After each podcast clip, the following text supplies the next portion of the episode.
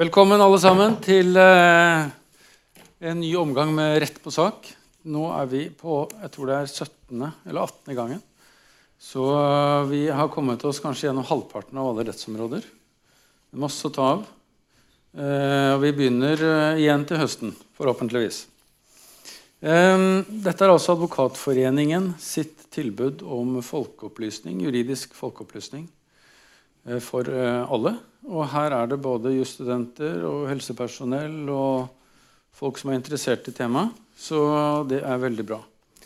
I dag har jeg med meg Henriette Sinding Aasen, som da vi kan, kan vi si at du er professor i helserett? Det kan man godt si. Eller, jeg, jeg jobber ikke bare med det, men eh, jeg jobb, har jobbet mye med det. Ja. Og helserett Helserett er et ganske uh, uoversiktlig område, i hvert fall for oss som ikke jobber med det til dagen. Så uh, målsettingen er jo å komme opp i et sånt fugleperspektiv. Uh, og vi får diskutert oss gjennom de ulike rettsområdene. det blir også tatt opp på podkast, så hvis noen er interessert i å lytte etterpå, så er det en mulighet. Har kom, det har kommet inn en god del spørsmål. Um, jeg har jo åpnet for at det kan sendes inn spørsmål. Det har kommet inn en god del spørsmål, og uh, noen av de er av veldig sånn, privat karakter. kan man si. Uh, så de kan vi ikke besvare, sånn, i hvert fall ikke fra podiet. Så uh, det får man eventuelt ta etterpå her nede. mens noen har kommet med litt mer generelle spørsmål som vi skal ta underveis. Men først eh, fugleperspektivet, Henriette. Kan du bare liksom, hvis du tenker deg, kan du gi oss fugleperspektivet på helseretten? Jeg kan i hvert fall prøve. Eh, det som er det sentrale, det er at helse er et viktig rettsgode. Og at de rettsreglene som vi har knyttet til eh, behandling og forebygging av sykdom og uhelse, handler i bunn og grunn om å sørge for at helse beskyttes både på individnivå, men også i et litt sånn folkehelseperspektiv. Så, alle, så det er på en måte det store perspektivet at helseretten handler om å beskytte helse. Eh, som et samfunns... Altså, folkehelse er jo på en måte et gode ikke bare for den enkelte, men for samfunnet. At folk flest har en bra helsetilstand, er viktig for samfunnets ve og vel. Og for den enkelte så er det viktig å bli ivaretatt når man er syk, og at man har rett til eh, nødvendig helsehjelp, da, som det er formulert i lovgivningen. Så Det er jo på en måte det store perspektivet. da. Mm. Men du tenkte kanskje enda litt mer sånn spesifikt? Eh... Nei, jeg syns det er grei, grei, et greit utgangspunkt. Når jeg skulle forsøke å sette meg inn i rettsområdet selv, så syns jeg det ser ut som det er en, en, i hvert fall to hovedgrupper. Det er lovgivning knyttet mot helsepersonell, altså den som yter helsehjelp og lovgivning knyttet til pasient, altså den som mottar helsehjelp. Mm. Er det en metode man kan se det på? Ja, altså Det handler jo om viktige aktører på, måte, på området. da, Helsepersonellet og pasientene. Så det, det, er viktige perspektiver. Og så er det jo også institusjonene, helseinstitusjonene. Eh, det som jeg kanskje også vil trekke fram, det er hvordan eh, i Norge så har lovgivningen spilt en veldig stor rolle i forhold til å plassere ansvar hos staten og hos kommunene sørger for at altså Staten har et overordnet ansvar for spesialisthelsetjenesten, dvs. Si sykehustjenestene. Kommunene har ansvaret for primærhelsetjenestene. Det er sånn enkelt og veldig skjematisk. Men det er altså lovgivningen som har på en måte etablert det ansvaret og pålegger staten og kommunene å ta det ansvaret. Så det, det er også et på en måte viktig fugleperspektiv. Så er det i denne sammenheng da, har pasientene fått økte rettigheter i det norske helsevesenet ved hjelp av lovgivningen. Før var det sånn at eh, det sto på en måte at staten har ansvar for å sørge for tilstrekkelige tjenester. Men det sto ikke noe om at noen hadde noen rettigheter. Men nå står det i lovgivningen i pasient- og brukerrettighetsloven pasientene de har også rettigheter. Eksempel, de har rett til nødvendig helsehjelp.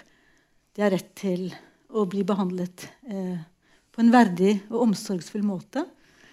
Det har rett krav på taushet. Eh, rett til journalinnsyn. Det er mange rettigheter eh, mm. som nå ligger i lovverket. Og som helsepersonellet er forpliktet til å respektere og følge opp. Da. Ok, så Nå, nå snakker du egentlig om, eh, om eh, pasientsiden. Men hvis vi tar det fugleperspektivet igjen altså, eh, Du sier at kommunene har ansvar for primærhelsetjenesten. primærhelsetjenesten. Og eh, staten har ansvar for spesialisthelsetjenesten. Ja. Men kan du definere litt hva som ligger i, hva? Ja, jeg skal prøve. Det er egentlig sånn at eh, eh, Hvis man tenker litt sånn praktisk på det, da, enkelt, så er det at kommunene de har ansvar for det, de tjenestene som kreves på en måte eh, medisinsk utdanning. Men det trenger ikke være en hjertespesialist som jobber på helsesenteret. Altså det er på en måte de grunnleggende helsetjenestene som du finner på helsestasjoner, eh, eh, andre kommunale skolehelsetjenesten, fastlegen. De tjenestene som ytes på en måte som førstelinje, da, som pasienten oppsøker. Det kalles for eh, primærhelsetjenesten, og det ansvaret påligger kommunene. Også øyeblikkelig hjelp er en del av det kommunale helsetjenesteansvaret. Når det gjelder spesialisthelsetjenesten, så er det på en måte definert først og fremst særlig som sykehustjenester og spesialiserte laboratorietjenester som kreves spesiell spesialkompetanse da, som man ikke finner rundt omkring på alle fastlegekontorene. Så det er på en måte en sånn slags sånn praktisk eh, ordning at jo mer spesialisert en undersøkelse eller behandling er, eh, jo mer sannsynlig er det at den F.eks. kreftbehandling det foregår jo på sykehuset. Det foregår ikke hos fastlegen. Så det er en, arbeids, en fornuftig arbeidsdeling. Og det, Dette skal vi nå komme tilbake til etter hvert. Men dette er da uh, det overordnede bildet. At eh, primærhelsetjenesten, altså kommunens ansvar, de har én lov å forholde seg til. Mm. Mens spesialisthelsetjenesten har en annen lov å forholde seg til. Og helsepersonell har også en lov å forholde seg til. Ja, men Samtidig så har både spesialisthelsetjenesten og kommunehelsetjenesten de er, altså de, de, er underlagt pasient- og brukerrettighetsloven. Den loven gjelder ja, Så da begynner vi der. vi begynner på pasientsiden. Og helsepersonelloven gjelder også for alle typer helse. Den gjelder både spesialisthelsetjenesten Det, gjelder, det er sånn tverrgående regulering som krysser hverandre. Ja. Mm. Men la oss begynne på pasientsiden. Ja. Og der sa du Denne loven heter altså Lov om pasient- og brukerrettigheter. Ja. Uh, hvis du tar hoved... Altså, da må vi jo tenke oss som pasienter selv. Mm. Hva er hovedreglene i den uh, loven? Hovedreg hovedreglene er at den oppstiller en del rett... Altså den, den oppstiller noen grunnprinsipper som skal respekteres i helsetjenesten. F.eks. krav om informert samtykke til alle typer uh, inngrep og behandling, undersøkelser. Og så gir den rettigheter utover det. Altså rett til nødvendig helsehjelp. Um, rett til journalinnsyn. Rett uh, til taushet overfor personlige opplysninger. Uh, rett, nå har det også kommet inn rettigheter til uh, behandlingsvalg. Man kan velge ved hvilken institusjon man vil bli behandlet. Det er ganske mange rettigheter som nå er listet opp i loven. Rett til syketransport er også nevnt. Det er masse. Man må lese grundig. Men det er altså en rettighetslov eh, som på en måte etablerer de sentrale, de viktigste rettighetene man har i møte med helsetjenesten. Og lovens formål er jo å styrke pasientens møte i helsetjenesten. Før så het det bare pasientrettighetsloven, fordi man hadde et mer sånn snev, litt, sånn litt snevrere fokus på hvilken type hjelp som ble omfattet. Nå er det pasient- og brukerrettighetsloven den ble endret eh, i 2011. Eller var det vel, ja. Eh, og omfatter nå også omsorgstjenester i kommunen. F.eks. hjemmehjelp er nå omfattet av den loven. Mens når det gjelder spesialisthelsetjenesten, så er det bare helsetjenester fremdeles. Så det er altså litt forskjell på de to områdene. da. Men når du sier samtykke, altså ja. Er det sånn at uh, pasienten uh, må samtykke? Altså, eier, man seg selv? Kan man uh, nekte å samtykke i å motta helsehjelp? Ja, det er jo absolutt. Man kan nekte. Det er jo Hovedregelen er at det må foreligge et gyldig samtykke. Man har jo ikke plikt til å la seg behandle. Det er bare hvis det er noen spesielle hjemler for tvangsbruk at det er aktuelt. Men altså, vanlig somatisk helsetjeneste så er utgangspunktet frivillighet. Og, må, og det betyr altså sånn at det skal foreligge et gyldig samtykke. Det skal selvfølgelig ikke være et skriftlig samtykke hver gang du oppsøker uh, helsetjenesten. Uh, kan, det, er mange måter et samtykke kan på en måte avgis på. da.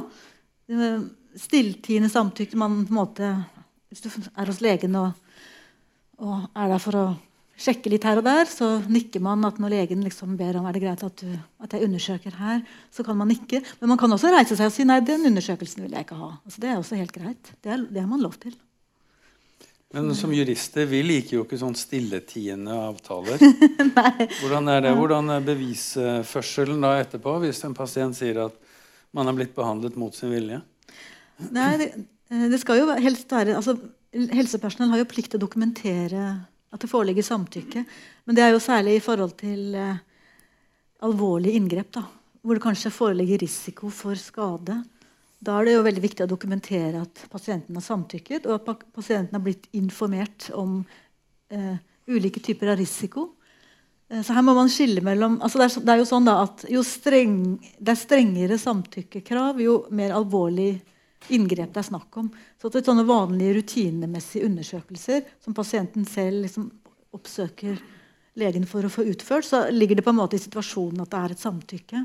Mm. Men så kommer du til, uh, til uh, for å undersøke om du har en alvorlig sykdom, og det er snakk om å iverksette store behandlingsinngrep med diverse mulige risikofaktorer, så er det veldig viktig med et gyldig informert samtykke der pasienten er blitt grundig informert om alle mulige sider ved behandlingen. Og Det er jo særlig der det svikter. Det er i hvert fall det som er mitt Det jeg ofte hører. da, At informasjonsplikten ofte krenkes i helsetjenesten. At pasientene lar seg behandle og vet ikke alltid hva de gir seg ut på. Da. Og det er jo faktisk ganske mange helseskader i helsevesenet. Det er jo mange som blir skadet også. Så dette med informert samtykke er jo veldig viktig, en veldig viktig prinsipp. Men det er ikke noe krav til uh, uh, spesiell sporbarhet. altså Det er krav, krav til dokumentasjonsplikt. Mm. Men i, i jussen ellers uh, så er det jo ikke sånn at man kan binde en motpart ved en ensidig disposisjon. Altså det at helsepersonell skriver i journalen at pasienten samtykket, Mm. Uten at det er noe spor tilbake. Nei, men det blir jo uansett det er jo et bevis. Hvis pasienten benekter at vedkommende har samtykket, så blir det jo et, et bevisspørsmål. Kanskje var det vitner som var til stede. Mm. Uh, det er jo et bevisspørsmål man, mm. uh, hva som har skjedd. Hvis uh, pasienten er veldig troverdig og har gitt uttrykk for stor tvil, som mange har observert, så kan det godt hende at selv om legen da har skrevet at det foreligger et samtykke, at det ikke vil godtas. da. Sånne, men sånne mm. bevisspørsmål vil mm. ofte være vanskelige. Altså. Mm. Nå skal vi ikke grave oss for langt ned. Jeg har eh, ett oppfølgingsspørsmål, men bare til mm. dere. Eh, nå skal vi holde på en times tid til eh, sånn ca. syv. Og så eh, er det spørsmål hos, eh, sånn fra salen. Så, så, dere trenger ikke brenne inne med noe. Så det er bare å notere seg bak øret, så slipper dere til. Um, denne serien her, Henriette, den eh, skal både være sånn belysning av rettsområdene, men også eh, om det er forslag til endringer. Burde vi gjort det på en annen måte? Vi har hatt tema oppe her hvor vi har rett og slett eh, tatt en telefon til et departement med forslag om endringer. Mm. Så eh, er dette et område som man kan tenke seg å eh, Burde det vært større krav til et gjenkjennbart samtykke, f.eks.? Jeg tror det aller viktigste er at man overholder kravet til samtykke når det er snakk om alvorlige inngrep. Og særlig at man blir enda flinkere til å informere. Det er det viktigste. Og at, uh, at informasjon gis på en forståelig måte. Altså, og Det står jo også i pasient- og brukerrettighetsloven at altså informasjon skal tilpasses uh, personens forutsetninger. Man må faktisk ta hensyn til om folk, uh, hvilket kunnskapsnivå folk har Eh, det, det, er ikke sånn at du bare kan liksom lire av deg en sånn standardtekst om hva dette innebærer. Må, har, legen har et ansvar for å sørge for at pasienten har forstått eh, hva som faktisk skal gjøres. Da. Så jeg tror altså jeg, eh, jeg tror at faktisk at det er viktig å fokusere mer på den, hva som ligger i den plikten. Eh, det ville være bra, tror jeg.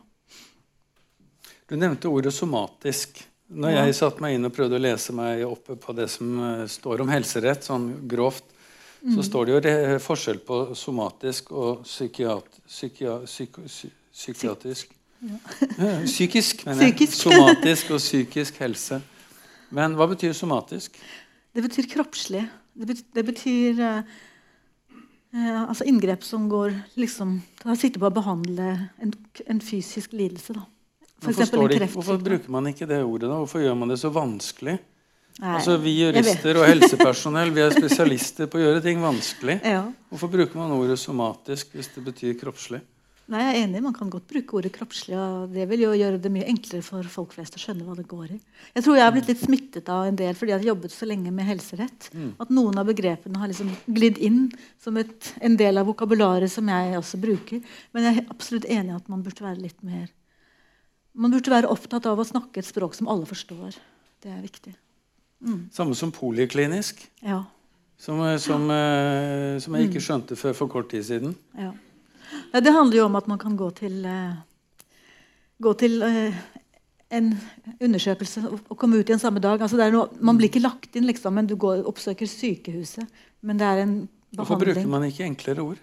Ja. Altså, Noen steder gjør man det. Man snakker om døgnbehandling og sånn. Men, eh, Ja. men det, det er ikke trengt inn alle steder. Og hvis man kommer på et sykehus, så blir man jo virkelig oppmerksom på hvor mange fremmedord som er på disse her eh, ulike dørene og oppslagstakene. akkurat som vi jurister gjemmer oss bak eh, juridiske ord og uttrykk. Ja. Nei, Men det var litt på siden, da. Det var ikke en del av helseretten. Men pasient- og brukerrettighetsloven eh, Du snakket om eh, taushetsplikt. Eh, hvem Altså eh, pasient, Dette er jo for pasienter. Bru, Altså På hvilken måte kommer taushetspliktregelen inn for pasienten? Det kommer inn på den måten at når- når du oppsøker helsetjenesten for å få eh, hjelp, så er du nødt til å avgi en del personlig informasjon. Og det er veldig viktig at den informasjonen forblir hos, eh, hos legen og ikke liksom spres rundt. I Norge så tar vi det litt for gitt at, at vi kan gå til helsetjenesten og føle oss trygge på at informasjon ikke spres til utenforstående, f.eks. til naboer. Eller, altså. Men i små samfunn eh, så er det kanskje enda viktigere. fordi at kanskje legen er en du møter på gata stadig vekk. Eh, Sykehuset er bemannet med mennesker man kjenner. Så Det handler om det å kunne oppsøke en viktig tjeneste uten å være redd for at informasjonen skal bli spredt til utenforstående.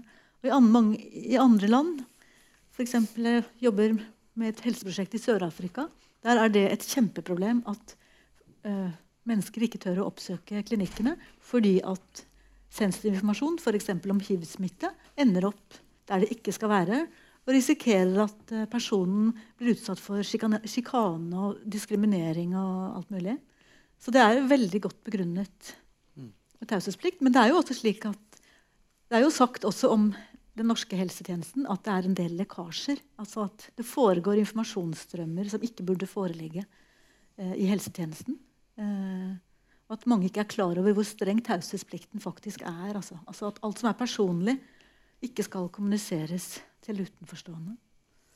Men kan, kan, kan informasjonen kommuniseres innad i helsetjenesten, da? Altså fra en fastlege til eh, et eh, sykehjem eller til eh, Haukeland sykehus?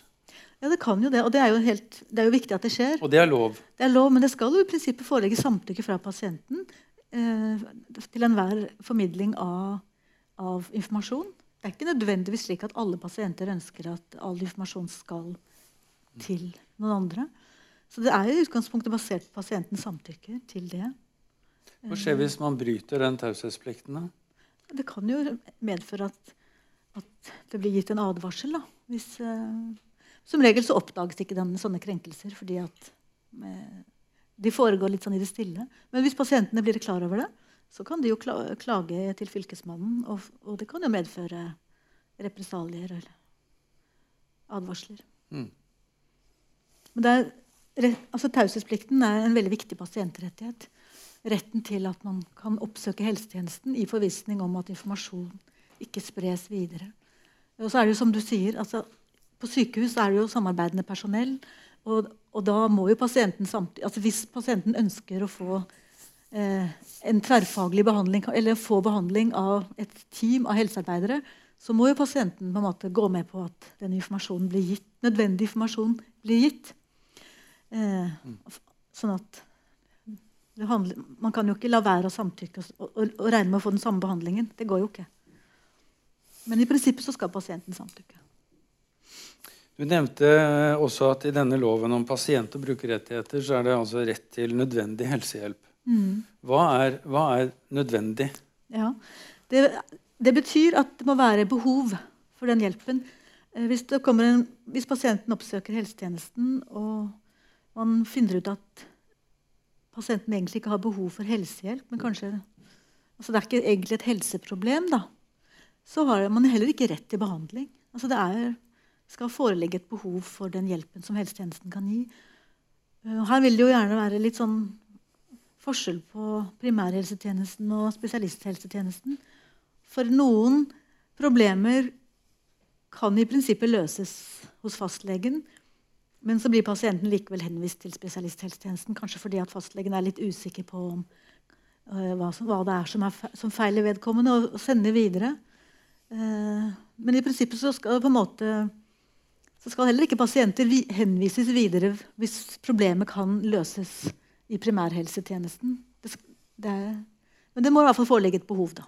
Mm. Uh, og Hvem er det som sitter på den endelige nøkkelen om behovet er oppfylt? Det er jo legen som tar, tar stilling til om, det, om dette, ut fra pasientens beskrivelser, om dette er et behov som utløser rett til helsehjelp. Eh, og dette med nødvendig det, da, det, jo, det, krever jo et medisinsk skjønn. Eh, en jurist kan jo ikke liksom ta stilling til det. Så det er et eksempel på at her har du en norm som, som viser til normer utenfor jussen selv. Da. Retten til nødvendig helsehjelp viser til normer som ligger utenfor selve loven. Eh, og det må foretas et faglig forsvarlig skjønn av helsepersonellet. Eh, man må jo undersøke pasienten på en forsvarlig måte da, for å kunne ta mm. stilling til om det foreligger et behov. Man kan ikke bare avvise pasienten i døra og si du, nei, nei, du, du ser ikke syk ut. Bare gå hjem igjen. Det må foretas en forsvarlig undersøkelse. Men dette er jo en, en eh, vanskelig altså Her er vi jo i et område som er blanding av juss og medisin. Ja. egentlig. Mm. Um, altså, vi er veldig flinke til å sitte på hver vår tue i, på fagdisipliner. Ja. Men uh, hvilken, uh, hvilken, opplæring har juristene i medisinsk forståelse og uh, medisinsk personell i jusforståelse? Nei, jeg tror det er kanskje litt Det er nok litt lite dialog mellom disse disiplinene. Eh, jeg vet veldig lite om medisin og helsevitenskap. Og jeg tror at helsepersonell vet ganske lite om juss. Selv om de er jo på en måte underlagt en profesjonslovgivning. Da, eh, som de jo er jo forpliktet å, å kjenne til. Eh, men, jeg, men jeg tenker at mer kommunikasjon mellom disipliner som tross alt samarbeider så mye, hadde vært veldig bra. Mm. Men et grunnprinsipp i helseretten det er jo at helsepersonell og virksomheter som yter helsehjelp, de plikter å yte forsvarlige tjenester. Uh, så dette forsvarlighetskravet det, det, er jo også en rettslig standard som viser til normer utenfor jusen selv. Men det er liksom lovfestet at pasienter har rett til forsvarlig hjelp. Mm. Men innholdet i det forsvarlighetskravet må jo defineres ut fra fag, Det er jo et faglig krav. Faglige mm. standarder. Men hvis det er sånn at det er veldig mange som har rett til nødvendig helsehjelp, mm. rett og slett eh, mange flere enn det er eh, sykehjemsplasser til, f.eks., mm. hvordan er det den prioriteringen da skal foretas? Mm. Det er et veldig, veldig godt spørsmål. I Norge så har vi egentlig ingen Vi har ikke noen regler om prioritering altså, Vi har ikke noen eh, I hvert fall ikke noen sånn tydelige bestemmelser eh, som, som, går på å prioritere i primærhelsetjenesten. Men vi har fått bestemmelser om prioritering i spesialisthelsetjenesten. Så kan du kanskje si litt om de først, og så kan vi heller gå litt tilbake igjen og se hvordan dette her mm. er eh, i primærhelsetjenesten. Men i spesialisthelsetjenesten er det nå regler om prioritering av pasienter. Altså det står I pasient- og brukerrettighetsloven er det to bestemmelser. Den ene bestemmelsen gir pasienten rett til nødvendig helsehjelp og øyeblikkelig hjelp fra kommunehelsetjenesten. Og Der står det på en måte ikke noe mer. Men så er det en annen bestemmelse, paragraf 2-1b, der det står pasienten har rett til øyeblikkelig hjelp og til nødvendige helsetjenester fra spesialisthelsetjenesten.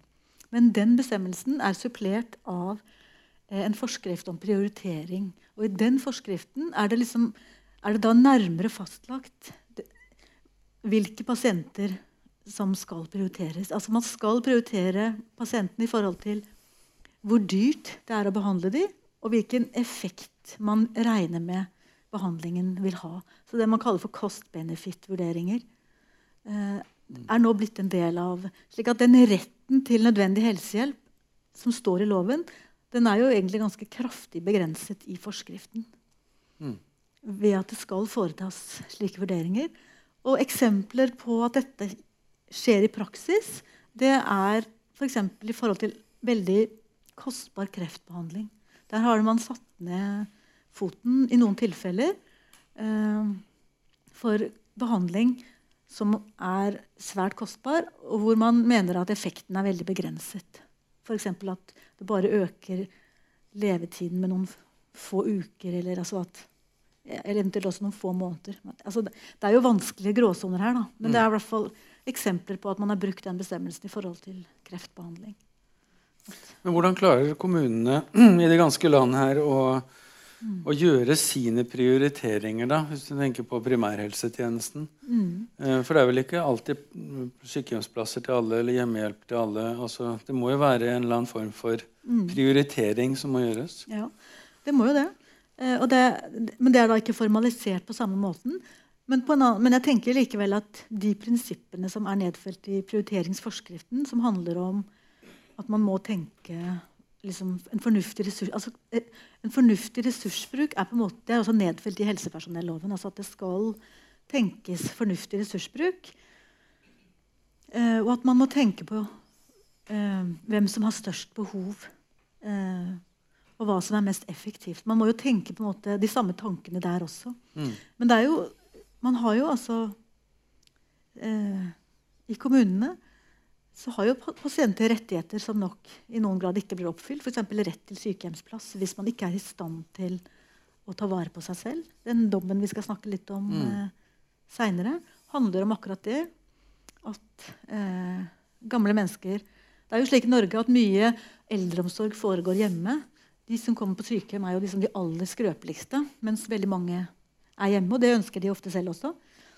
Men uh, det er jo ikke alle som er helt i stand da, til å passe på seg selv. Uh, og forsvarlighetskravet, plikten til å gi forsvarlig omsorg, handler om at folk, selv om de er i egne hjem, så har kommunen et ansvar for å ta vare på dem, sånn at de ikke kommer til skade.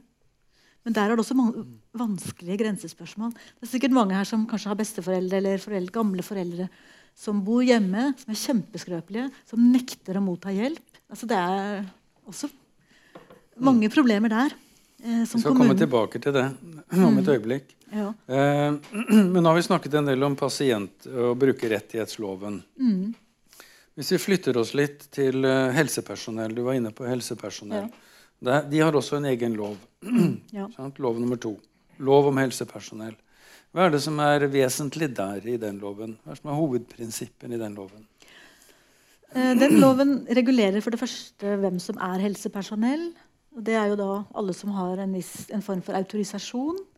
Og så fastlegger den de grunnleggende pliktene som alt helsepersonell har. Og de pliktene er i stor grad korresponderende med pasientens rettigheter. Altså plikt til å yte forsvarlig virksomhet, plikt til å gi, yte øyeblikkelig hjelp når det er påtrengende nødvendig, plikt til å føre eh, journal, til å dokumentere hva som gjøres, til å overholde taushet, det er liksom altså det er veldig stor grad av korrespondanse mellom som, de pliktene helsepersonell har. Mm. Pasientrettigheter. Og så er det også en del andre plikter som går i forhold til andre instanser. Meldeplikter. F.eks. plikt til å melde om fødsler og død, alvorlig personskade. Plikt eh, til å melde fra eh, for å forebygge alvorlige hendelser. F.eks. Eh, for, hvis man mener at en pasient eller en person står i fare for å eller at det er stor risiko da, for at noen skal skade andre, f.eks., så har man plikt til å melde fra. Så det er eh, også sånne, sånne plikter. Har man, har man plikt til å svare hvis flykapteinen spør er det en lege om bord? Ja, altså Hvis det er et, nød, et nødstilfelle. Mm. Det er jo slik at uh, i nød, i, i nød så, så kan man tillate seg ting som man ikke kunne gjort eh, i andre situasjoner.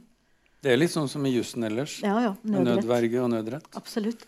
Altså, det er jo egentlig eh, Veldig mange av de prinsippene som er i helseretten, er jo utviklet av f.eks. strafferetten og forvaltningsretten. Plikten, altså retten, eh, eller Krav om samtykke er jo eh, også en del av straff, strafferetten. ikke sant? Hvis det, man samtykker til en legemskrenkelse, så er det jo liksom ikke det samme som hvis, hvis det ikke foreligger et samtykke. Men altså, eh, man, som helsepersonell har man da plikt til å gripe inn eller, eller å, å yte hjelp ved behov. Står Ja. det i loven? Det står i loven eh, for helsepersonell at man plikter å yte øyeblikkelig hjelp hvis hjelpen anses å være påtrengende nødvendig. Så dette, dette med, det er det, altså det man snakker om akuttsituasjoner. Da. Det er hvis man unnlater å hjelpe, eller unnlater å undersøke en som ser ut som man holder på å dø, uh, og trenger hjelp, så kan man uh, komme i, i ansvar. Uh, Straffansvar? ja, hvis det er en grov forsømmelse, så kan man det. Og den plikten påhviler, påhviler jo helsepersonell i kraft av å være helsepersonell, også selv om man for, for så vidt er uten Er altså i en privat sammenheng. Eh, og Så det- vi som privatpersoner har plikt til å, å redde liv? Ja, hvis du er helsepersonell. Og, og, er men, men bare etter dine kvalifikasjoner. Altså, det er jo ikke alle som kan det. En fotterapeut vil jo på en måte ikke kunne gjøre så mye, kanskje. Men eh, hvis du er lege eh, Hvis du er lege og står overfor, kommer overfor en som eh, helt klart trenger helsehjelp, så har du plikt til å gjøre, gjøre det du kan etter omstendighetene. Mm. Jeg har alltid drømt om at flykapteinen sier 'er det en advokat om bord'? I tilfelle sitter noen på bakerste rad og krangler så busta fyker. Eh, Da snakket vi altså først om pasient- og brukerrettighetsloven, og så om helsepersonelloven. Og så for å begynne på den, um, dette med organisering igjen, så har Ja. vi da eh, på primærhelsetjenesten, altså kommunene, så heter loven lov om kommunale helse- og omsorgstjenester. Mm. Og Der er vi på de som skal yte helsehjelp i første instans. Ja. Og Hva er det den loven fokuserer på? Den altså, fokuserer jo på kommunens ansvar. Hvilket, den lister opp en del tjenester som skal forelegges, som, som kommunen skal sørge for. Så er- altså, kommunen har et sørge for-ansvar i forhold til eh, skolehelsetjeneste, helsestasjonsvirksomhet, eh, øyeblikkelig hjelp, nødtelefon. Det er noen sånne elementære tjenester som kommunene plikter å sørge for. Men det Og også på organisering av eh, Ja. helsetilbudet. ja, Å organisere tilbudet på en forsvarlig måte. Det er en del av det kommunale ansvaret. Fordi at, ja, det er jo mange helsearbeidere som er involvert i kommunens helsetjeneste. Men kommunen har ansvar for at det, at det er en forsvarlig organisering. Så da det kan man på en måte det ikke skylde måles på Mm. på noe vis? Kan det måles? Hva som er organiseringen. forsvar, ja, en forsvarlig organisering, kan det måles opp mot noe? For jeg på, Jurister er jo opptatt av at det finnes et svar. ikke sant? Også, ja. Når det er sånne skjønnsmessige begreper, så må det jo være Mm. et sted går en grense for aktsom eller uaktsom, eller forsvarlig eller uforsvarlig. Ja. Ja, nei, altså du kan si at Hvis eh, organiseringen fører til at mange ikke får helsehjelp når de trenger det, så er jo det et tegn på at eh, tjenesten ikke er organisert på en ordentlig måte. Hvis det er f.eks.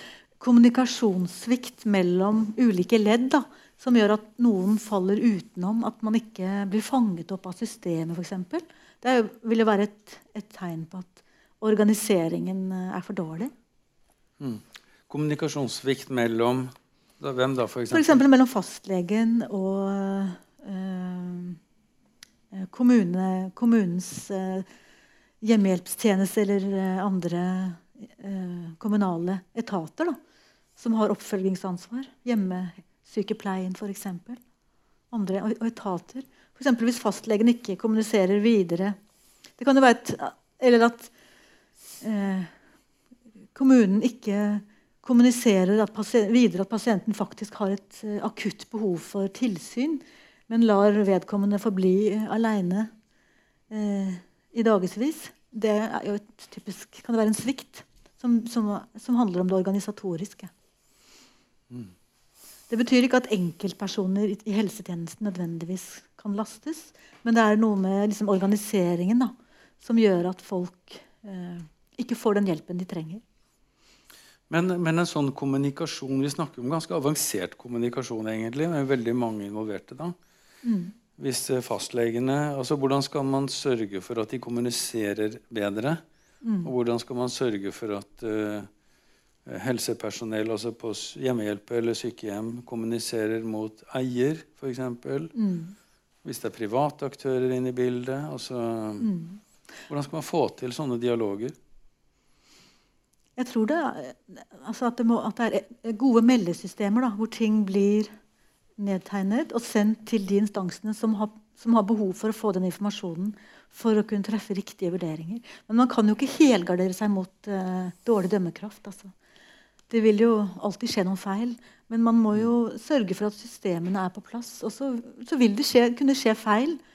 Uh, men det vil skje færre feil hvis det er gjennomtenkte systemer hvor viktig informasjon kommer dit det er folk som treffer beslutninger, da, eh, sitter. F.eks. beslutninger om noen skal plasseres på et sykehjem. Eh, hvem, ja. Mm. Mm. Men da passer det å gå inn på den dommen. Ja. Eh, for jeg spurte deg på forhånd om det er noe mm. rettspraksis, altså noe mm. Toneangivende rettspraksis. Så nevnte du da Bukkhøy-dommen. Ja, jeg, jeg, vil ikke si at den er toneangivende. For jeg er veldig kritisk til den dommen. okay, men det er ikke så mange vil... dommer, eh, og vi har ikke så omfattende rettspraksis Nei. på helseretten. Nei. Altså Vi har på psykisk helse og tvang og den type ting. Mm. Så er det jo en god del. Men ellers er det ikke så mye rettspraksis. Nei. Det er ikke så veldig mye dommer eh, på dette feltet her. Vi har jo Fusa-dommen, som jusstudentene kjenner godt. og Den har jo vært veldig viktig i forhold til å etablere prinsippet om minstestandard. Altså at alle tjenester skal ha en minstestandard faglig sett. Kan du nevne litt også Fusa-dommen? Kan du bare si kort om hva den går ut på? For Den er jo ganske gammel. Ja, Den, den ble vel avsagt i 1990. Men den om, handlet om en kvinne som, eh, som, ønsket å motta helsetjenester i sitt eget hjem. Eh, og som kommunen ønsket å flytte på en institusjon som ikke var tilpasset hennes behov. Så det, det kokte ned til hvilke, hvilke tjenester eh, kommunen skulle yte eh, hjemme hos henne. Og Høyesterett har flere interessante utsagn her og konstaterer at det er en viss, altså kommunen ikke kan bruke økonomi hvis man, for å gå under en, en minstestandard av hva som eh, skal tilbys. Og så henviste man også til at eh, prinsippet om brukermedvirkning, som er blitt enda mye sterkere etter Fusa-dommen, der man legger vekt på at, at folk skal få i stor grad ha innflytelse på, på, hva slags hjelp. Om, om man sitt, hvis man ønsker å være i sitt eget hjem, så, så, så, har det en stor betydning. Altså Man skal prøve å tilrettelegge så langt det er mulig. da. Mm. Eh, så, men, så, det handlet om at kommunen etter Høyesteretts oppfatning hadde nektet denne kvinnen tjenester som, som, det, som Høyesterett sa var livsnødvendige for henne. Eh, ja. så, så, det var liksom mm. den, dette med at det er en minstestandard som kommunene må oppfylle. Og man kan ikke uten videre henvise til økonomi. Så er det da slik at Hvis det er snakk om tilbud som på en måte går utover denne minstestandarden, så står kommunen friere til å vurdere kostnader, som vi var innom i stad. Altså at mm. også kommunene må prioritere. Eh, og for eksempel, Hvis det er en ekstremt kostnadskrevende pasient, eh, som, så vil man kunne bruke kommunens økonomi og si at dette må vi håndtere på en institusjon. Altså Hvis det på måte er på måte eneste fornuftige, eneste forsvarlige, så må man kunne, mm. kunne, kunne si det. Mm. Vi er litt opptatt i disse her um, rett på sak-samlingene også belyse uh, hvordan rettsutvikling foregår. Mm. Uh, for det er jo sånn at uh, gjeldende rett kan, kan, jo være basert på på det som står i den uh, store røde boken, eller den lille grønne du har med deg. Lovsamlingen din på helserett. Um, eller det kan være Høyesterett som mm. setter standarder mm. som hva, hva, som blir gjeldende rett. Ja. Uh, Fusa-dommen den var jo avsagt da i 1990, og disse helselovene de er jo kommet etterpå. eller mm. siste versjon. Ja. Har Fusa-dommen påvirket lovgivningen på noe vis? Altså den, jeg vil si at den kanskje satte Belyste pasientens behov for en viss eh, rettssikkerhet i forhold til å ha, å ha noen rettigheter eh, i forhold til det offentlige. Altså rett til nødvendig helsehjelp. Den retten. Eh, og brukermedvirkning. Behovet for brukermedvirkning. Eh, vil jeg si kanskje det er kanskje ingen direkte sammenheng, men uh, de prinsippene ble i hvert fall godt belyst i Fusadammen. Uh, og de prinsippene står veldig sentralt i pasientrettighetsloven. Mm. Det som kanskje var veldig viktig med pasientrettighetsloven, det var jo å få slått fast krav om samtykke. Det var utrolig viktig. For tidligere så var det veldig sånn at så lenge det var gitt forsvarlig behandling, så kunne man egentlig ikke klage på noe. selv om man ikke hadde blitt Selv om man kanskje egentlig ville ha motsatt seg det, hvis behandlingen var forsvarlig, så var det veldig mye opp til legene tidligere å ta avgjørelser om hva som skulle gjøres. da. Mens pasient- og brukerrettighetsloven eh, slår veldig tydelig fast at det skal foreligge samtykke. Det, men det ble også slått fast i en dom eh. Tidligere av, Høyesterett. Så Høyesterett har vært med å, noen, eh, å gi noen gode føringer for, eh, for lovgivningen også. Mm. Det er jo sånn med jussen Når man jobber inne på et område, om det gjelder dette eller andre, så må man ha ganske god oversikt over rettspraksis. Ja. Eh, og dette, sånn Generelt innenfor jussen har det jo blitt sånn at det er vanskeligere å være allmennpraktiker. Mm. Det finnes jo helsestanden, legestanden. Ja. Men uh, i jussen har vi uh, ikke noe som heter allmennpraktiker. Uh, tidligere var det mye lettere, men nå mm. er det ikke så lett lenger. Nei. Og da er jo litt spørsmålet sånn helseretten som fag, før vi kommer inn på den andre dommen. Ja. Helserett som fag på juridisk fakultet. Mm.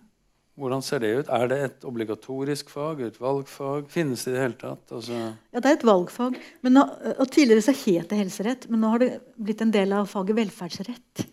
Men nå, eh, fordi at vi har fått dette nasjonale klageorganet til Bergen, så har vi fått eh, liksom blitt oppfordret sterkt da, til å legge enda mer vekt på helseretten.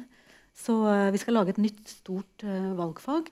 Hva vi kaller det, har vi ikke helt bestemt ennå. Men det vil ikke bare være helserett. Altså, vi er litt opptatt av å se helseretten i en litt sånn større faglig, velferdsrettslig bredde. Da. Det er jo en del av velferdsretten. Så det er et juridisk felt som ja, heter velferdsrett? Ja, ja, det er det. Absolutt. Mm. Det er det. Um, en del av de sakene som handler i domstolene, handler jo om, om, erstatning. Altså at legen har gjort en feil, at det er årsakssammenheng mellom feilen og den skaden pasienten har. At det er et alvorlige økonomiske konsekvenser. Det, men det er jo egentlig like mye erstatningsrett. Men, uh, ja. Vi skal komme litt tilbake til det mot slutten. Mm. Men uh, hvis vi går inn på den Bukkøy-dommen ja. Kan du si litt om uh, altså Det er en dom som ble avsagt for et par år siden ja. i Oslo tingrett. Mm ikke anket. Mm. Eh, kan du si litt om faktum først? Ja. Jeg kan si litt om, eh, om den dommen. Den handler om eh, det var, at, altså at statens hvor skal begynne Det var to gamle damer som ikke fikk hjelp. De ble, det, ut, saken ble jo utløst av at, at, den ene ble funnet død i sitt eget hjem, og den andre ble funnet død utenfor sitt eget hjem. Ihjelfrosset. Eh, hun som ble funnet i sitt eget hjem, hun var erklært samtykkekompetent, og hun hadde konsekvent nektet å motta hjelp eh, hjemme. Hun ønsket ikke noen form for innblanding av eh, kommunen. Og hun hadde en, eh, som, hun hadde en diagnose som gikk ut på ekstrem selvneglisjering. Som handlet om ut, ekstrem eh, form for uhygiene. Da, og samlet på søppel. og altså Ekstremt uhygieniske forhold i den leiligheten. Men eh, hun nektet da hjelp. Og, og kom, man fant at hun hadde samtykkekompetanse. Hun oppførte seg helt normalt ellers. Hun kunne handle og gikk på butikken og hadde bankkortet sitt og leste avisa og fulgte godt med ellers. Eh, det eneste tvang hun ble utsatt for, det var at, at, det var årlig tvungen nedvasking av leiligheten av hensyn til naboene. Men ikke av hensyn til henne. det var ikke av hensyn til henne selv, men av hensyn til altså, naboene. da, borett. Hun bodde i leilighet, så det, det luktet litt vondt i gangen. Da. Det, det, men det var jo en annen lov? Det var jo smittevernlovgivningen? Ja, med hjemmel i smittevern. med hjemmel i smittevernloven. Men hun ble altså funnet død i sin egen seng, omgitt av tomme yoghurtbegre. Uh, og det, altså, sånn Objektivt sett så er jo det på en måte helt uverdig. Altså Å bli funnet død i sitt eget hjem omgitt av søppel det høres helt forferdelig ut. Uh, egentlig. Uh, og hvis det hadde skjedd men hvis det var et annet menneske som hadde blitt funnet sånn, så ville man tenkt at dette er grov forsømmelse. men i, de, i, dette tilfellet her så Og det konkluderte også denne dom, domstolen med, da, Oslo tingrett, at når det gjaldt denne kvinnen, så mente de at uh, alle forhold tatt i betraktning, så var det egentlig ikke så mye mer man kunne gjøre. Hun, uh, fordi hun var samtykkekompetent, og hun hadde nektet. Og man har rett til å nekte behandling og hjelp. Så, uh, ja. så den, mm. akkurat det tilfellet syns jeg egentlig ikke er så ille. Jeg syns på en måte at det må at der var dommen ålreit. Men den andre damen, som da ble behandlet i samme dom, hun var en helt annen kategori. Hun hadde blitt erklært alvorlig dement. Eh, hun ble overlatt til seg selv store deler av døgnet i sin egen leilighet. Pårørende hadde gitt varsel om, til kommunen om at hun var sterkt svekket. Hun, hun var opprinnelig ikke interessert i å komme på sykehjem, men etter hvert så hadde hun akseptert å komme på sykehjem. Hun ønsket å komme på sykehjem, men hun ble eh, overlatt til seg selv i leiligheten, til tross for at kommunen visste at hun var erklært alvorlig dement. Og hun hadde blitt utredet på geriatrisk, geriatrisk poliklinikk på Diakonishjemmet. Og der sto det uttrykkelig at hun hadde behov for kontinuerlig tilsyn. Eh, men hun ble likevel overlatt til seg selv veldig mye. Hun hadde riktignok hjemmehjelp flere ganger i døgnet. Men hun, men, men hun var jo stort De fleste av døgnets timer var hun jo faktisk aleine. Selv om hun fikk hjemmehjelp flere ganger, så var hun jo alene. Og, og, og, så var det det at de hadde ikke trodd at hun kunne klare å komme seg ut. Eh, så Det står også i dommen da, at ingen hadde trodd at hun skulle klare å komme seg ut. Eh, så Derfor så ble man så overrasket da når, man, når, hun da klarte å komme seg ut. Og hun ble faktisk funnet ihjelfrosset utenfor sitt eget hjem. Eh, men jeg mener at den dommen er, har noen gale premisser og ender med feil resultat. Fordi jeg mener at det var helt klart at hun skulle vært enten plassert på et sykehjem eller hatt døgnkontinuerlig tilsyn. Eh, og selv om ingen trodde at hun kunne klare å komme seg ut, så var det jo likevel andre faremomenter som kunne utløses i leiligheten. Hun kunne jo finne på å sette på ovnen. Det kunne bli brann. Hun ble også funnet på gulvet hjelpeløs med en lampe veltet over seg. Og Det ble beskrevet at hun var akutt forvirret. Så det var veldig mange tegn da, på at denne damen hun klarer seg ikke selv. Eh, så den dommen syns jeg egentlig er ganske hårreisende med tanke på at, eh, at Oslo tingrett konkluderte med at dette var forsvarlig organisert. Eh, det står i premissene at altså, man ikke at det, at det berodde på at fastlegen ikke hadde på en måte gitt nødvendig informasjon. Men, det, men det heng, premissene henger ikke sammen. For det står jo også at kommunen hadde fått beskjed. Så dommen er veldig svak på det punktet der. Eh, Syns jeg. Og skuffende. Eh, så det er ikke slik at bare noe kommer for rettsapparatet, så får man gode, gode beslutninger og gode analyser og, og løsninger. Og den, den dommen skulle vært anket, og det, mm. det ble den ikke. Men den har jo ikke så tung rettskildeverdi. Altså som en det har den ikke. Eh, den, jeg vil si at den, den, dommen har veldig lav rettskildeverdi. mm. Mm. så hvis det sitter noen her fra kommunen, så må dere for all del ikke følge etter eksempelet fra Oslo tingrett og tro at uh, her er det fritt, fritt fram for å ikke organisere tjenestene på en bedre måte. Men det som er litt spesielt med den dommen, synes jeg, det er jo at uh, domstolen går liksom litt lenger enn å bare behandle disse to sakene. Uh, det ser ut som domstolen ønsker å gi noen signaler om eh, hva skal til for at det skal være forsvarlig helsehjelp, f.eks. Altså at man nevner opp dette med organisering. Man nevner opp dette med kvalitetssikringssystemer.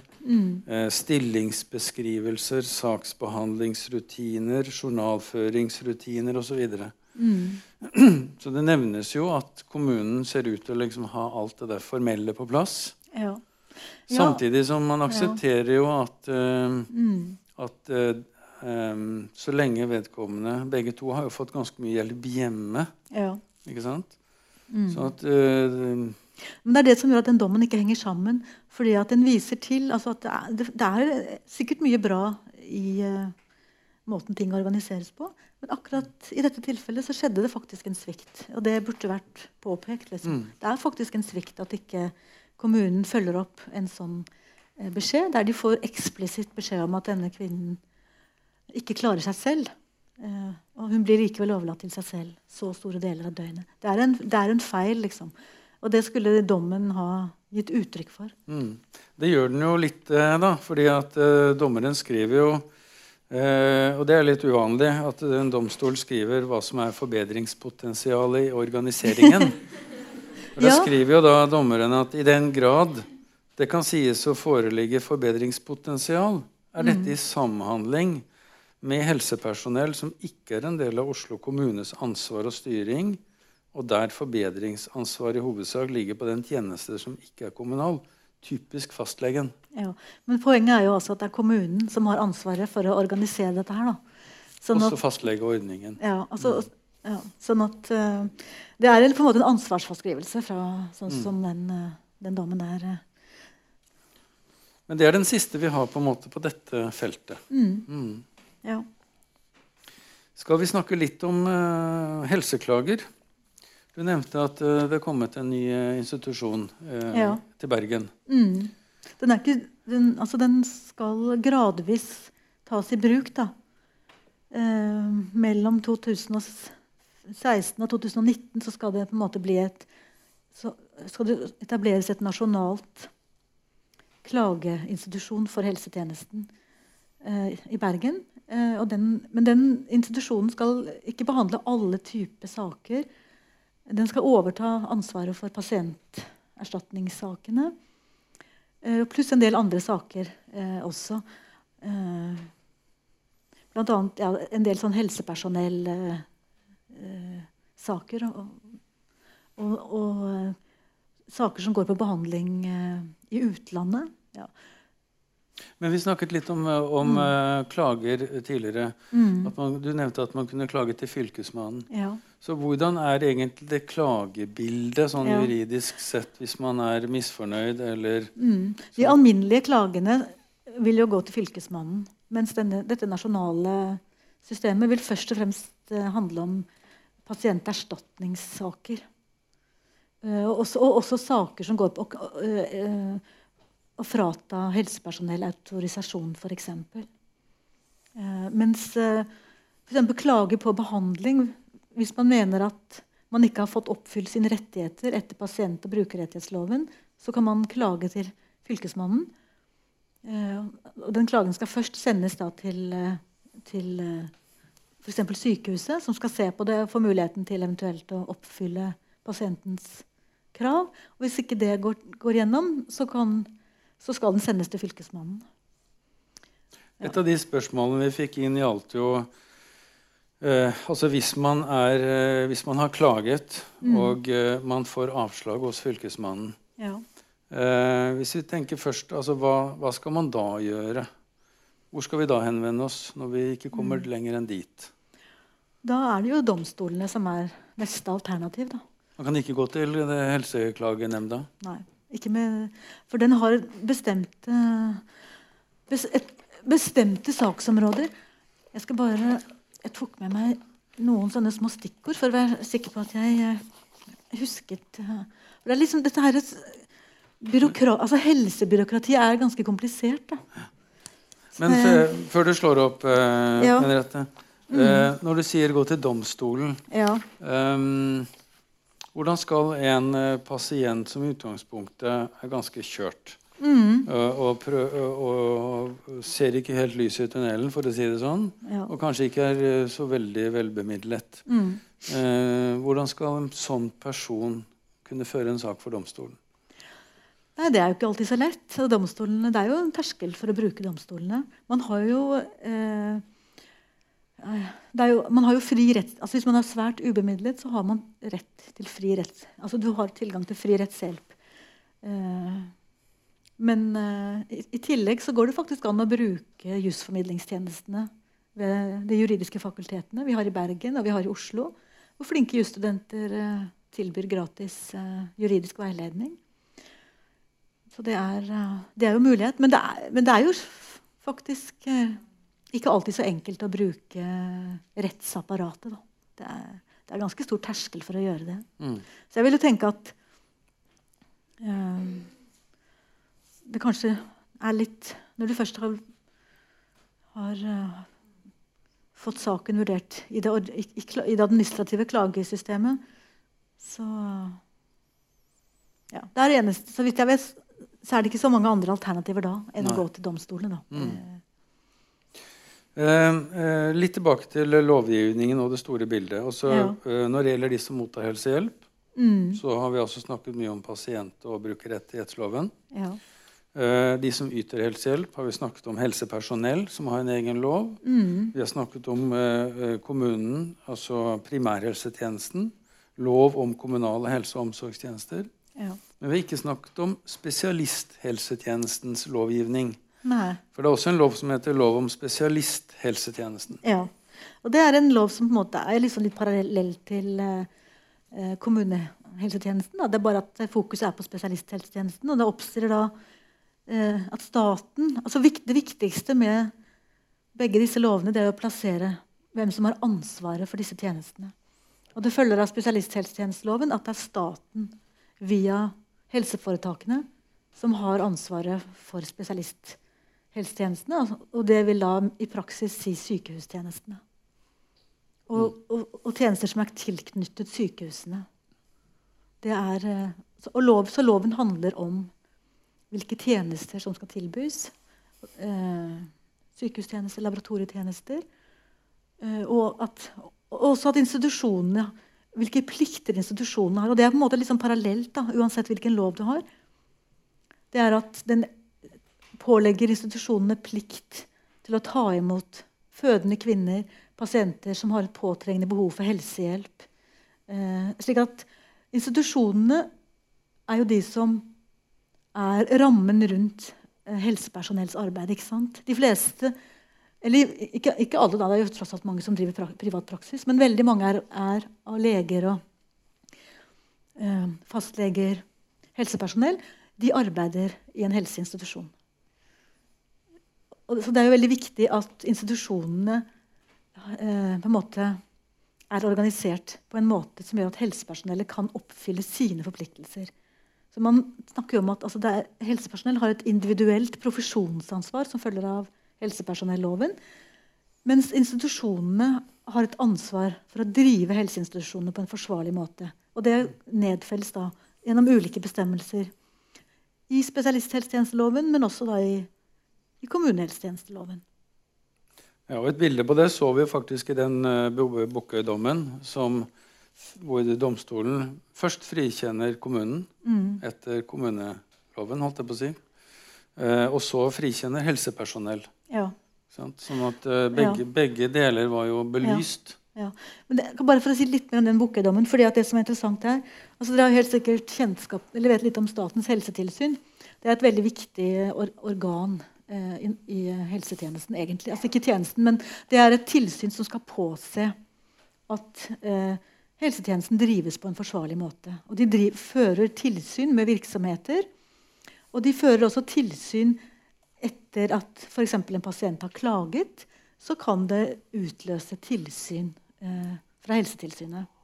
Og Statens helsetilsyn de, eh, eh, Etter at disse to dødsfallene da kom fram, eh, de eh, anmeldte Oslo kommune og mente at det forelå eh, en grov svikt. Slik at Statens helsetilsyn, som tross alt er et faglig eh, organ mente at det forelå eh, en grov svikt.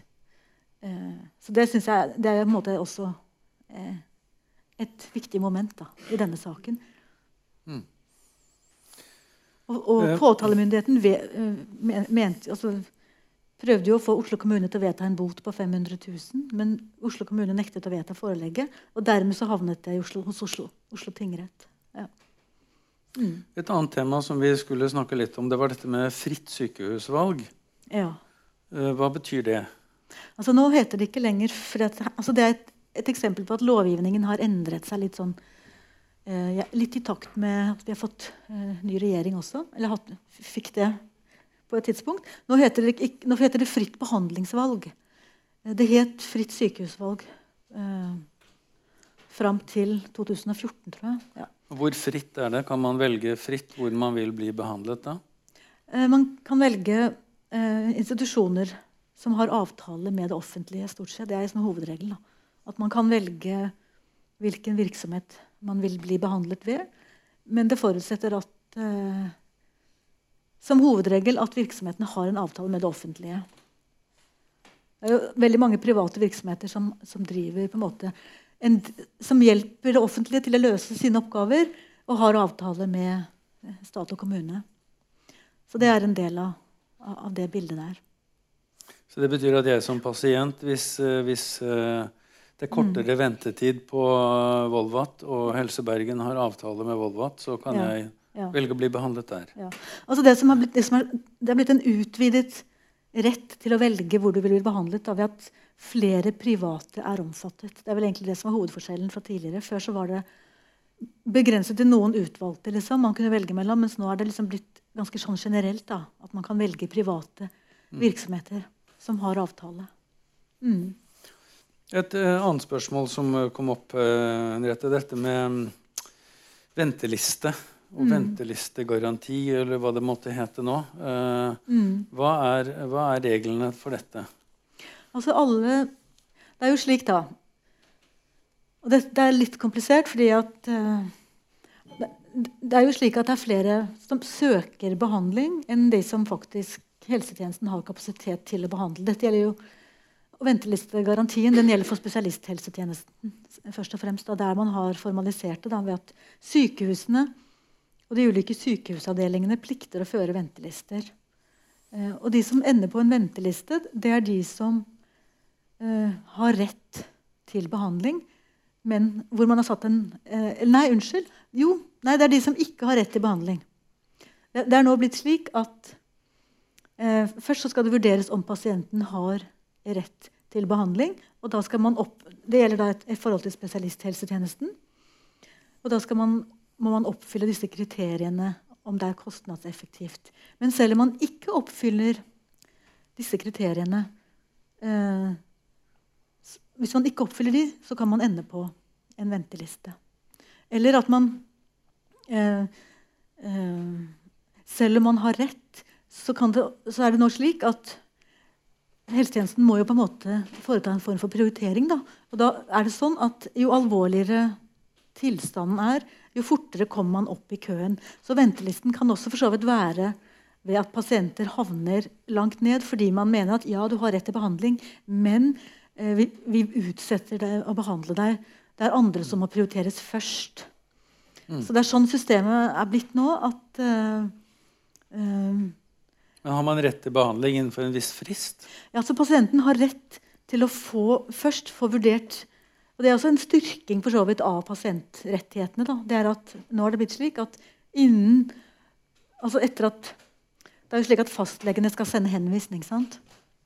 Og etter at fastlegen har sendt henvisning, så har pasienten rett til innen ti virkedager å få beskjed, å, å få beskjed om man har om man har rett til behandling. Ti dager? Ja, det, og det er for å, få, altså for å få beskjed om man har rett til behandling. Og så deretter så skal det fastsettes en frist for når behandlingen skal iverksettes. Og den fristen skal fastsettes individuelt for hver enkelt pasient ut fra hva som regnes som forsvarlig. Da. Og, da, og, da, og den, her vil det kunne være forskjellige frister for ulike pasienter. Og disse fristene vil jo da av, liksom bestemme hvor på, hvor på den listen pasienten havner. da. Så det er sånn det er nå. Og så kan det jo også være pasienter som eh, ikke nødvendigvis har rett til en form for eh, spesialistbehandling, men de har jo likevel en, kan ha rett til andre typer helsehjelp som de trenger. ikke sant? Så, eh, men det er litt Nå- komp et ganske komplisert system, faktisk. Det er ikke- Ja, det, det kan jeg skrive under på. Det er vanskelig å få både fugleperspektiv og, og detaljert eh, kompetanse uten å jobbe mye med det. Mm. Men uh, hvis vi oppsummerer litt, så har vi altså vært inne på pasientrettigheter, primærhelsetjenestens uh, lovgivning, spesialisthelsetjenesten og helsepersonell. Ja. Det vi ikke har vært innom, det er jo, og som vi ikke skal innom, det er altså psykisk helsevern med egen lov om psykisk helsevern. Og vi har en egen lov om sosialtjenester. Mm. De kommer vi ikke inn på. Nei. Men det er en del av liksom det store bildet også. Mm. Men nå har vi holdt på ganske lenge, Henriette. Skal vi prøve å slippe til eh, noen i salen? Hvis det er noen som eh, har lyst til å spørre om noe? Der er det en Ja. med hånda oppe. Der. Vi har en mikrofon her hvis du har lyst. Så.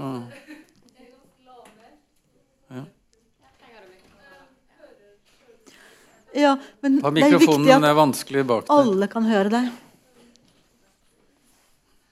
Tusen hjertelig takk for et uh, fantastisk godt foredrag. Um, mitt spørsmål det er Selv om vi ikke har vært inne på psykisk helsevern, så er mitt spørsmål rettet til kommunepsykologforslaget, ordningen, i forhold til hvilken rolle eller hvilke juridiske utfordringer kanskje som du kan se at det muligens kan innebære. Eh, og også skille i eh, den juridiske vurderingen av samtykke mellom det somatiske og det psykiske helsevernet. Om du har noen mm, innspill om det generelt i forhold til den kommunepsykologordningen som, som kommer, og hvordan du tror eller tenker at det bør best fungere i forhold til de rettighetene som pasientene eventuelt har. Kanskje jeg kunne kaste ballen litt tilbake til deg. Kanskje du kunne konkretisere eh, liksom spørsmålet i forhold til eh, For jeg kjenner ikke egentlig den eh, reformen så godt at jeg føler at jeg vil liksom svare veldig spesifikt på det. Men, men du, det, jeg føler at du har et spørsmål som kanskje går på dette med at det er forskjellige regler om samtykke. Er det der det ligger? Kan, kan ikke du spesifisere spørsmålet ditt enda litt mer, så kan jeg prøve å svare? I- I forhold til pasientens rettigheter Mm. eh, Hvis du har en ordning som kommer nå at kommunepsykologen ideelt sett skal være på samme linje som en fastlege, at det skal være inn i primærhelsetjenesten, at eh, psykologen i kommunen kan ha ansvar for den psykiske helse som fastlegen har ansvar for den somatiske helse. Um, ser du noen potensielle utfordringer i forhold til pasientenes rettigheter når det gjelder samtykke, samarbeid mellom fastlege, psykolog osv. i det? Ikke sånn i utgangspunktet. Altså, det, som, det som er tingen, det er jo at det, det er jo at eh, uansett uh, hva som feiler et menneske, så, så er jo utgangspunktet at vedkommende har en rett til å bestemme over seg selv så langt uh, det, altså det er jo på en måte utgangspunktet både når vi snakker om somatisk og psykisk helsevern. Da, at utgangspunktet er jo at, at pasientene selv skal eh, bestemme hva som skal skje med dem. Jeg tror kanskje ikke at akkurat det, om det er en psykolog eller en lege eh, har så stor betydning i den sammenheng. Men med forbehold om at jeg har ikke satt meg grundig nok inn i det. Eh, men det kan hende at eh, det bør jeg gjøre. Kan godt hende. Eh, men jeg, jeg jobber ikke selv med det psykiske helsevern. Men jeg er opptatt av eh, at dette selvbestemmelsesprinsippet er viktig uansett hvor i helsetjenesten eh, man befinner seg. Da. Mens det har vært veldig mye fokus på tvang når det gjelder psykisk helsevern. Ekstremt mye fokus på bruk av tvang. Og det er jo på en måte i seg selv uheldig. For de aller fleste behandles jo uten, at, eh, uten tvang. Liksom. Da er, men da er det jo de alminnelige reglene i pasient- og brukerrettighetsloven som gjelder. Og det står jo også i lov om psykisk helsevern at de alminnelige prinsippene der gjelder jo også for det psykiske helsevernet. Eh, om frivillighet. Og at frivillighet alltid skal være det primære. da. Tvang jo, skal jo være på en måte i de helt spesielle tilfellene der man ikke kan hjelpe på noen annen måte. Skal vi eh, se om det er noen andre eh, som har lyst til å spørre om noe? Ja? Ja, jeg, eh, jeg er her som privatperson, da. Så, men det som jeg, jeg syns det er imponerende å se liksom, hvordan eh, rettighetene blir sterkere og sterkere hos eh, de som eh, bruker helsetjenestene. Og at både lover og forskrifter og sånn ivaretar eh, pasientene tilsynelatende på best mulig måte. Men, men, det som jeg har eh, oppdaget, er jo at eh, når ikke eh, de Når ikke de som skal hvis, eh, no, eh, Når ikke eh, de oppfyller eh, kravene i loven, som f.eks. individuell plan, eh, bruk av tvang, eh, brukermedvirkning og alt dette her, mm. hvem skal da på en måte straffe eller sanksjonere mot de som skal forvalte loven? Mm. Sånn som så, så, så, jeg opplever det per i dag, så er det bryter Får du ikke den retten som du har eh, krav på, mm. um, så Du kan eh, klage til Fylkesmannen, men så er det Men så, så, så går det ut i sanden, liksom. Mm. Så det er på en måte ikke noen Det er ikke noen ordentlige sanksjoner mot de som bryter loven, da, for å si det sånn. Mm. Ja. Om det er noe Altså ja. Altså, det er jo sanksjoner hvis man mener at det har skjedd et, et rettsbrudd. Så, kan, så, vil det jo kunne iverksette sanksjoner. Men det kan jo være også uenighet. Altså det, det, som kan være tilfellet, det er at det, det, kan jo foreligge uenighet om det er skjedd en, en, feil. ikke sant? Og, er alltid, og Der er det ofte et bevis. Altså bevisspørsmål kan være problematiske. Altså at om du sier at det har skjedd en feil, men eh, kanskje Fylkesmannen eh, mente at det ikke var en feil. ikke sant? Det kan bli litt ord mot ord. Og det er jo ikke alltid slik at eh, Jeg er enig med deg at det er ikke alltid slik at eh, selv om man sier at det ikke skjedde en feil altså hos Fylkesmannen, så, så, trenger ikke det bety at alt var helt perfekt eller at alt var riktig. Det kan ha skjedd noe som eh, ikke opplevdes som, som, eh, som bra. og det, skal jo også en, det er jo en slags terskel da, før man på en måte iverksetter sanksjoner. Det skal være forholdsvis eh, av en viss alvorlighet før det skjer, ikke sant? Uh, ja. Når ikke barn ikke får eh, oppfølging på eh, spesialisthelsetjenesten, ja, ja. når, når, noen ikke får eh, den retten til individuell plan ja. eh, Alle disse konkrete mm. rettighetene du har, da, men som på en måte ingen tar ansvar for. Men hvis man da man har jo da mulighet til å klage. Uh, og den klagen skal jo behandles. Uh, og hvis, da, hvis, et barn med et sterkt hjelpebehov ikke har fått den hjelpen det trenger, så vil jeg jo tro at klageinstansen vil kunne se det. Altså det ja. har, du, har, du, ikke også noe pasientombudsordning? Jo. Altså det er jo også noe at, at det skal være pasientombud på sykehusene. Det er, det, er, en plikt nå.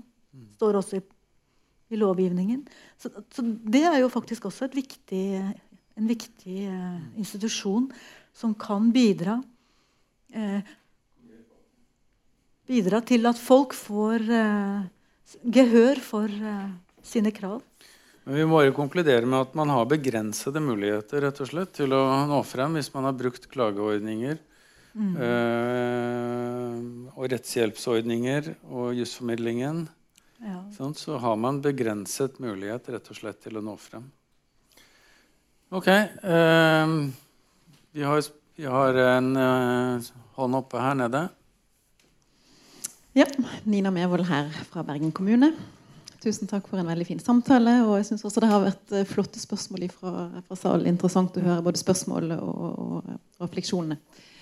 Jeg har to uh, kanskje litt sånn paradokser eller områder som det kunne vært interessant uh, å høre deg på, som er på et litt, litt mer sånn overordnet uh, nivå i forhold til, til lovene.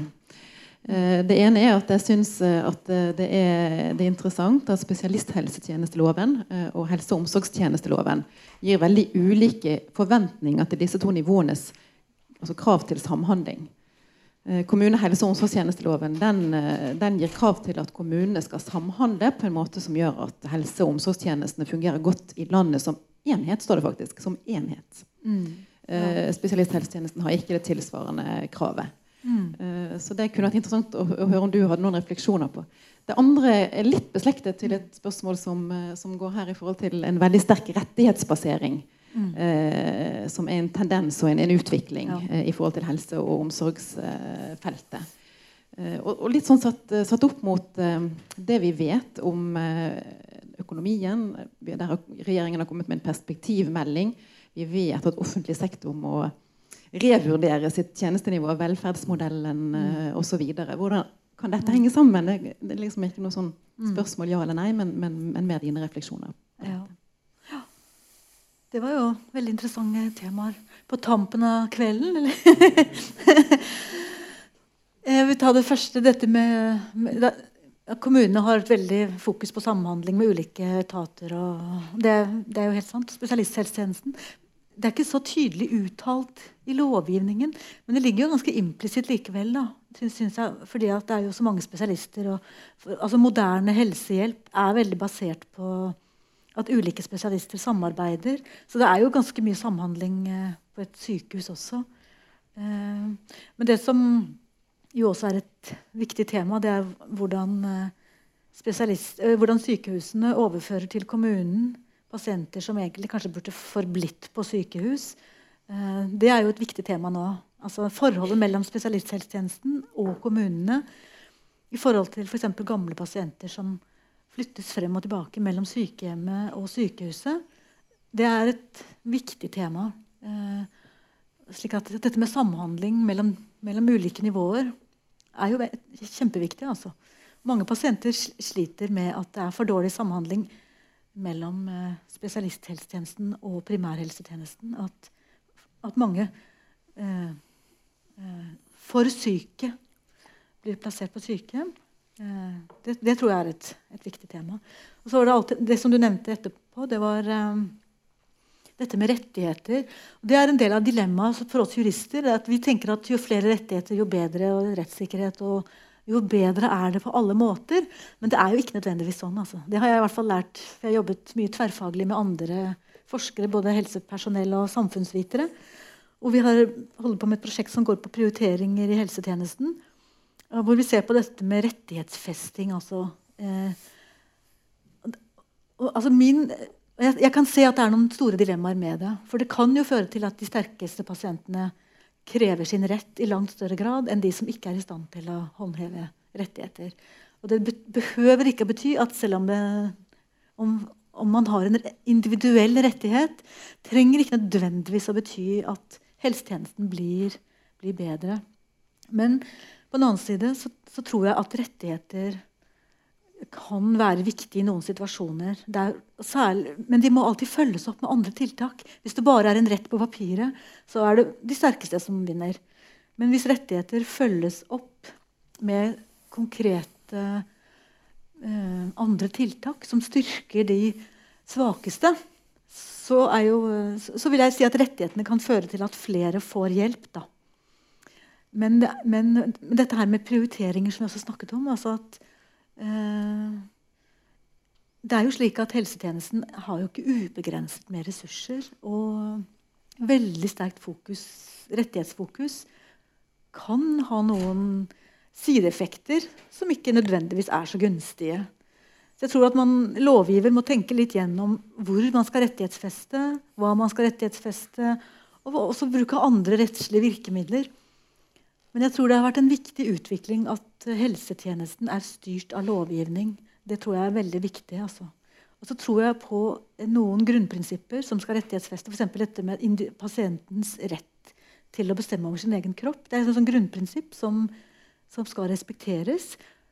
På, men alt det som handler om ressursbruk, det går jo også på Uh, der inn Der er det an mange andre hensyn. Altså, det handler om fordeling i en større skala. Eh, hvor man må tenke litt på Det handler ikke bare om den enkelte, men om eh, hva samfunnet skal velge å bruke ressurser på også. Så det Ja. Ja, jeg tenker at det må bli siste ordet. Dere som har andre spørsmål, dere får ta det her nede etterpå. Eh, og før vi avslutter denne vårsesongen, så vil jeg da minne om at vi har familierett kommer i september. Med advokat Ingelin Morken Gundersen. Og eh, arbeidsrett kommer i november. Med Stig Åkernes Johnsen. Så tusen takk til deg, Henriette. Takk, takk for at dere kom.